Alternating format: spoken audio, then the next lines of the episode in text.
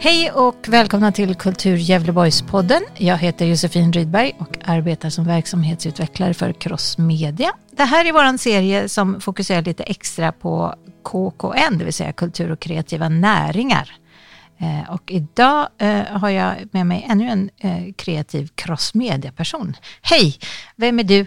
Hej, hörs jag? Ja, du hörs Ja. mycket bra. Toppen.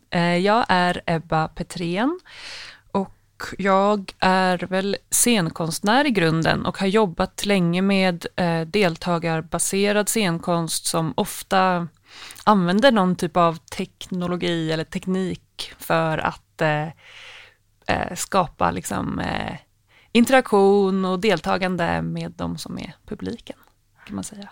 Det låter lite som min favoritverksamhet, måste jag erkänna. Ja. Om du ska berätta lite mer konkret vad du gör, kan du exemplifiera med något projekt som du kan berätta för oss om? Ja, absolut. Ehm, Det senaste projektet som jag gjorde som ju också var ehm, med stöd härifrån Gävleborg var Extasis som eh, är ett spel kan man säga för fyra deltagare som de spelar tillsammans i ett och samma rum.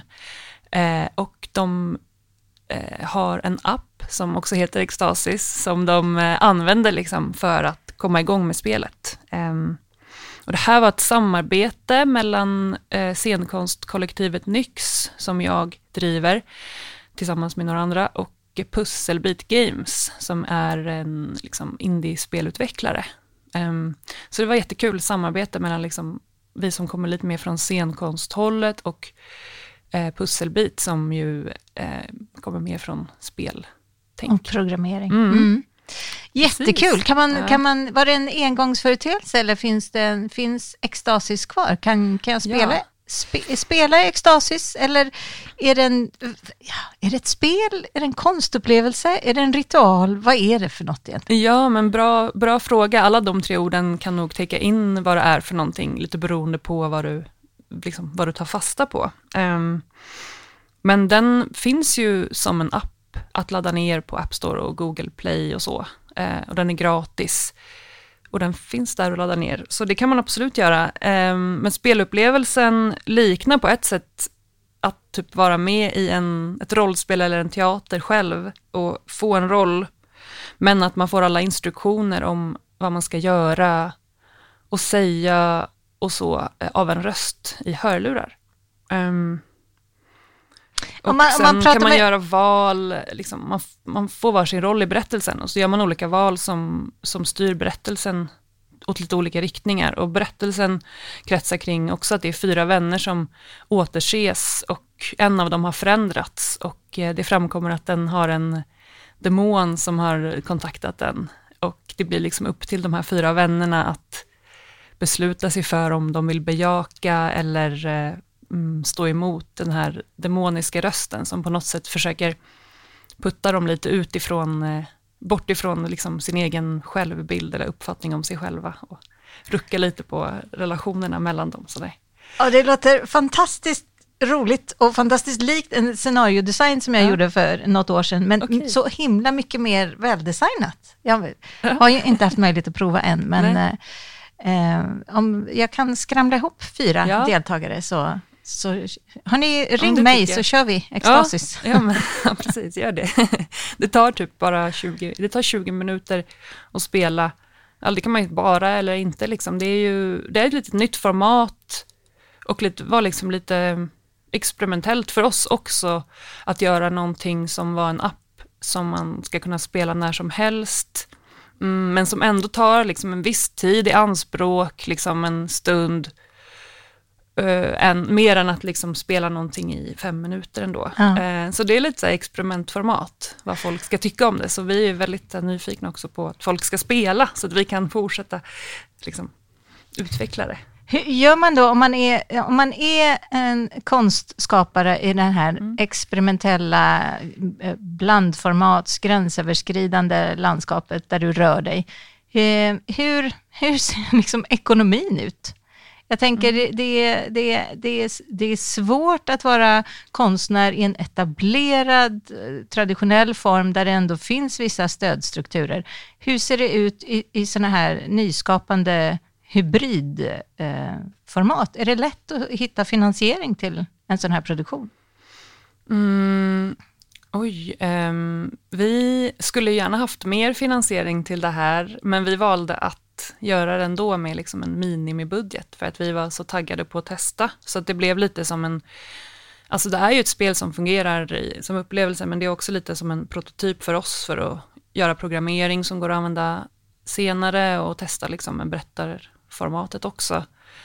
Um, och vi har ju fått finansiering um, liksom från, ja, men dels från härifrån Gävleborg och en större summa från Kulturrådet uh, inom scenkonst. Så att um, det, det, går ju att göra lite bland bland eh, ja. eh, format eller, så crossmedia eller vad man vill kalla det, eh, men ha en, liksom en, som en bas. Där inom, vi har ju då inom scenkonsten och har jobbat väldigt mycket i samarbete med olika teaterinstitutioner också och visat, de flesta verk vi har gjort har ju, har ju skett på en plats med en publik som kommer dit och köper någon form av biljetter så att formen på något sätt har utgått från, från eh, scenkonstens eh, liksom, ekonomi, ekonomi. Ja, modell. Mm. Precis.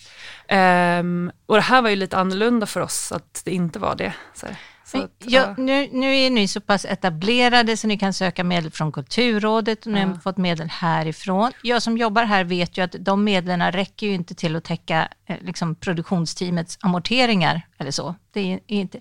Hur tänker du kring kring din egen hållbarhet. Liksom. Det är en sak att vara driven av sin nyfikenhet och experimentlusta, men, men, eh, hur, ja, men hur tänker du kring hållbarhet? Uh.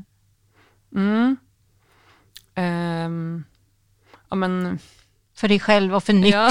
som, som, som verksamhet? Liksom. Exakt. Um, ja, men vi är ju en väldigt liten verksamhet som tidigt bestämde att vi inte ville satsa på att bli en stor administration eller en liksom liten institution, utan vi mer ville fungera som, ett, som en plattform eller ett nätverk.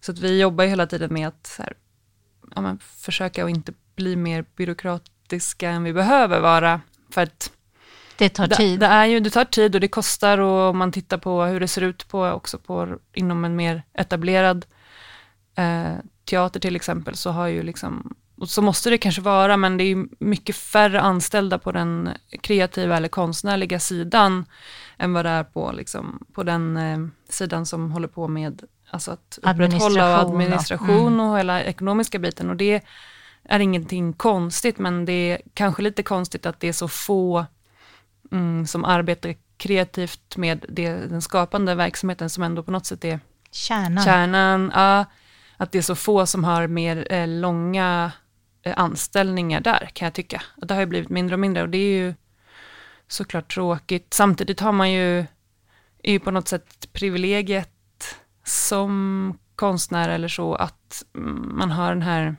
friheten också, att få göra olika saker och, och att mm, befinna sig på olika platser. Liksom. Så det är ju lite både och. Sådär. Men hur ehm. betalar man sina räkningar?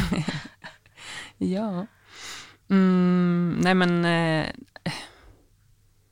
ja men det är, det är väl olika för olika personer liksom. Men eh, jag, jag jobbar ju mest som liksom, dramatiker och regissör med egna produktioner, men också på eh, korta kontrakt på olika teatrar och sånt. Mm. Ja. Mm. Eh, men sen så kan man ju såklart kombinera det ibland med undervisning eller att skriva grejer och sådär. Eh, men det är klart att det inte är liksom att man har en lång, lång, på lång sikt. Och det är klart, där, där är det ju väldigt viktigt såklart att eh, det hade ju varit bra om det var på ett annat sätt, för det kan ju vara väldigt svårt till exempel att då ja, ta ett lån eller liknande. Mm. Och, och, så är det ju, det är inte liksom det mest kanske stabila ekonomiskt, men det finns ju andra, andra grejer man kan, liksom, som är bra med det också. Så, det blir men, det gamla klassiska talesättet om gungor och karuseller. Liksom man får ha mm, olika verksamheter. Nej, men det man förlorar på karusellerna känner man mm. in på mm. gungorna, eller om det är tvärtom. Jag kommer inte ihåg. Ja, just det. Ja, men, ja nej, men, men så, så det, det blev kanske lite pladdrigt. Men, men för min del så, det är ganska kort korta, korta, man har ganska kort blick framåt ekonomiskt så. Men jag har ändå alltid sett till att försöka ha liksom en, ett halvår eller ett år liksom.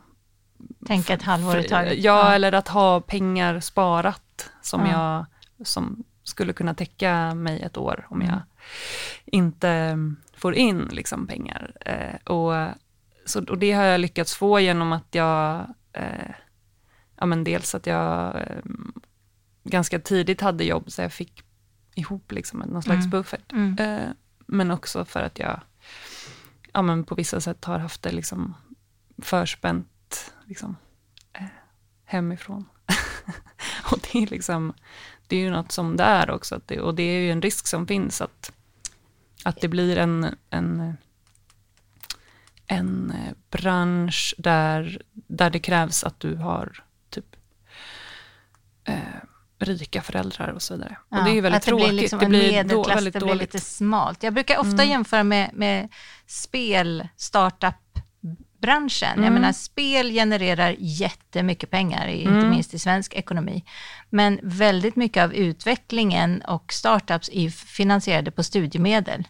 För att det liksom drivs av ideella krafter och, och idédrivna människor som använder sina studielån till att jobba dygnet runt med att göra prototyper. Och, och det är bara möjligt innan man har andra ekonomiska åtaganden, innan man har familj, barn och amorteringar och allt det här. Eh, så det, det, finns liksom, man, man, tror ofta att det finns jättemycket eh, startup-pengar i spelbranschen, men det, det, gör inte det så mycket. Och just de här första experimentella sakerna är, är till väldigt stor del finansierade av just studiemedel. Liksom. Mm. Ja, men precis. Ja, men det kan jag förstå. Den, och det, det där eh, lite mer experimentella fältet behövs ju. Liksom. Och det är därifrån det händer. Det som också Det som kommer blir... som nya idéer. Ja, men jag vill också säga att så här, uh, det som är fint i alla fall, uh, jag vet, nu vet jag inte alls hur det är i spel, men att det är inte heller så att du måste, din, din dröm för ditt liv måste vara att, att eh, ha jättestora bolån och så vidare. Alltså det är väl också någonting som, mm, ja men som, det, folk kan leva på så olika sätt i olika åldrar och att det finns ju en, en bild av att så här, när du kommer i en viss ålder så ska du leva på ett visst sätt med en viss typ av familj och en viss typ av ekonomi. Mm, och jag tycker att det finns ju väldigt eh, det finns ju många mer möjligheter också eh, att, att ha mindre ekonomi och också få delvis liksom en annan frihet i det. så här, mm. Mm. Så här, men, men alltså, nu vill inte jag låta som att jag inte tycker att, att, eh, att det borde finnas mera robusta eh, strukturer, men, men ja, det är både och.